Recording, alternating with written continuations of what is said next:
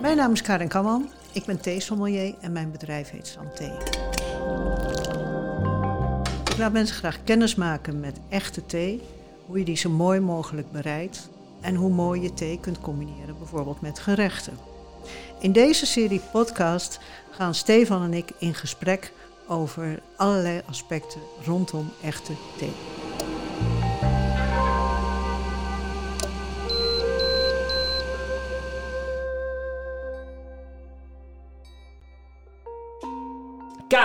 De legende, Earl Grey. Ja, dat is zo'n prachtige legende. Earl Grey, de legendarische Earl Grey. Ik vertel hem je graag. Ehm, waar het over gaat is dat aan het begin van de 19e eeuw was een zekere eh, Lord Charles Howick. Ehm, die was een, eh, zoals de adel allemaal was in die periode, een enorme fan van, van thee. Het was ook nog een tamelijk luxe product.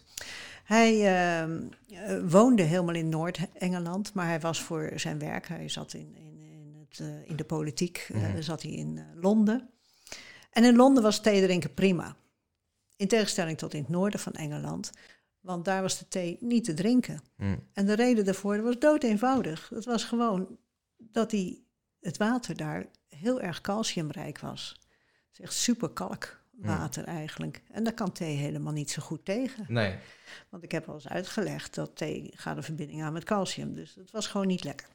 Goed, op een gegeven moment zou de vader van eh, Lord Howick... eh, zou door de koning eh, benoemd worden tot eerste Earl Grey. Hij kreeg dus een graafschap, Mhm. zeg maar. Het, en de titel van Earl Grey. En er zouden wel 300 eh, hooggeplaatste adelgasten zouden naar eh eh, Howick Hall, waar hij woonde, komen in Noord-Engeland. En eh, ja, Groot feest. Groot feest. En natuurlijk kon daar de thee niet ontbreken. Maar met name Lady Howick begon van... joh, hoe doen we dat nou? Want dat thee bij ons is niet te drinken. Kunnen we misschien water van Londen transporteren naar het noorden? Nee, zegt Lord Howick, ik wil gewoon een permanente oplossing... want we blijven hier maar tegenaan lopen. En ik wil hier ook lekker de thee drinken. Nou, hoe doen we dat? Hoe doen we dat? En op een gegeven moment zei Lady Howick... Jij kent toch zo'n Chinees, die woont hier eh, verderop. En ehm, misschien kan die ons helpen. Nou, goed plan. En eh, zo gezegd, zo gedaan. En eh, die Chinees, die heette Chen. Hoe zal die anders heten, omdat het Chinees was. Ehm, die kwam gewapend met een heel arsenaal aan attributen. En eh, kruiden, gedroogde bloemen, elixirs en, en noem maar op, een hele voorraad. Kwam hij naar Howick Hall. En hij installeerde zich in de keuken, tot groot ongenoegen van de kokkin. Je Mhm. moet een beetje Downton Abbey-achtige toestanden voorstellen. En eh, nou, hij ging aan de slag. En de thee die eh, Lord Howick had, die, want het was dus een echte liefhebber, was een, een zwarte thee uit de Chinese provincie Fujian. Goede thee. Dus dat kon zijn goedkeuring wel wegdragen. En eh, nou, Chen die ging aan de slag en ehm, hij eh, wist natuurlijk al, want hij woonde daar ook in de buurt van het water, was allemaal niks. En eh, hij ging op zoek naar een blend waarbij het calciumsmaakje zo goed mogelijk gemaskeerd werd. Nou, en het duurde en het duurde. En hij probeerde het met zusbloemen en met zul elixir en, en noem maar op. En ehm, hij bleef aan de slag. En uiteindelijk ging iedereen maar naar bed toe en hij was nog steeds bezig.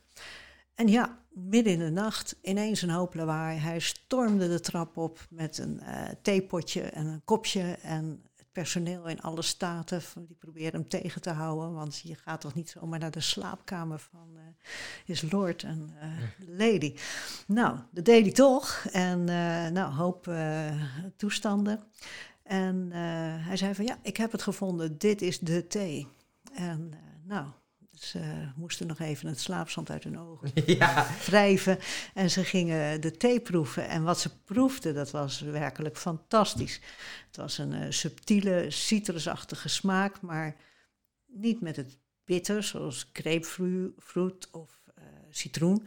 Maar eh, er was, het was heel subtiel en er Mhm. was geen spoor van calcium te proeven.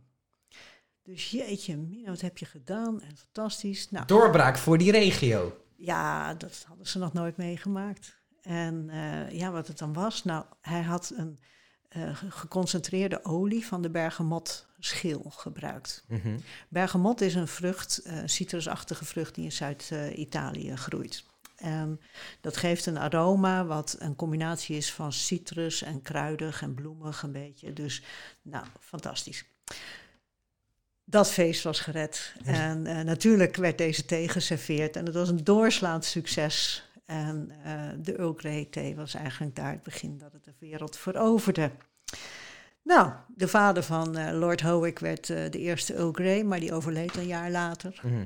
Niet aan de thee, maar... Nee, het is goed dat je dat er even bij zet. Ja, tuurlijk. en uh, nou, zijn zoon uh, Lord Howick werd de tweede Earl Grey. En uh, hij is zelfs in 1830 prime minister geworden van Engeland nog. Kijk eens. Dus hij heeft het vergeschopt. Dus en een goede theesommelier en, en ook nog in de politiek hoog geplaatst. Ja, ja, eigenlijk was hij geen sommelier, maar Nee, hij had wel ja.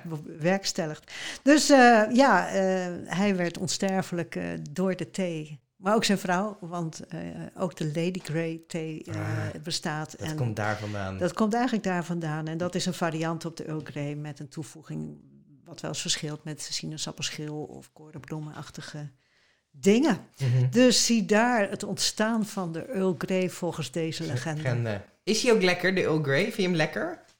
Ja, uh, het is, wat ik leuk vind aan de legende is dat het wat mij betreft precies klopt. Want Mhm. het is inderdaad zo dat als je Earl Grey thee neemt en je zet dat met kraanwater, waar dus calcium in zit, Mhm. dat je daar helemaal uh, eigenlijk dat het heel goed maskeert. Ja. Dus als ik zelf ergens ben en ik wil uh, een kopje thee bestellen en ik heb maar een beperkte keuze uit uh, wat standaard smaakjes, dan zal ik altijd kiezen voor de Earl Grey, want dan weet ik dat ik in ieder geval uh, ook geen last van een bijsmaakje van, Van, kraanwater calcium, eh, van de calcium heb. Dus een mooie uitvinding van eh, de heer. eh. Ik ben de man eeuwig dankbaar. Dankjewel, Karin.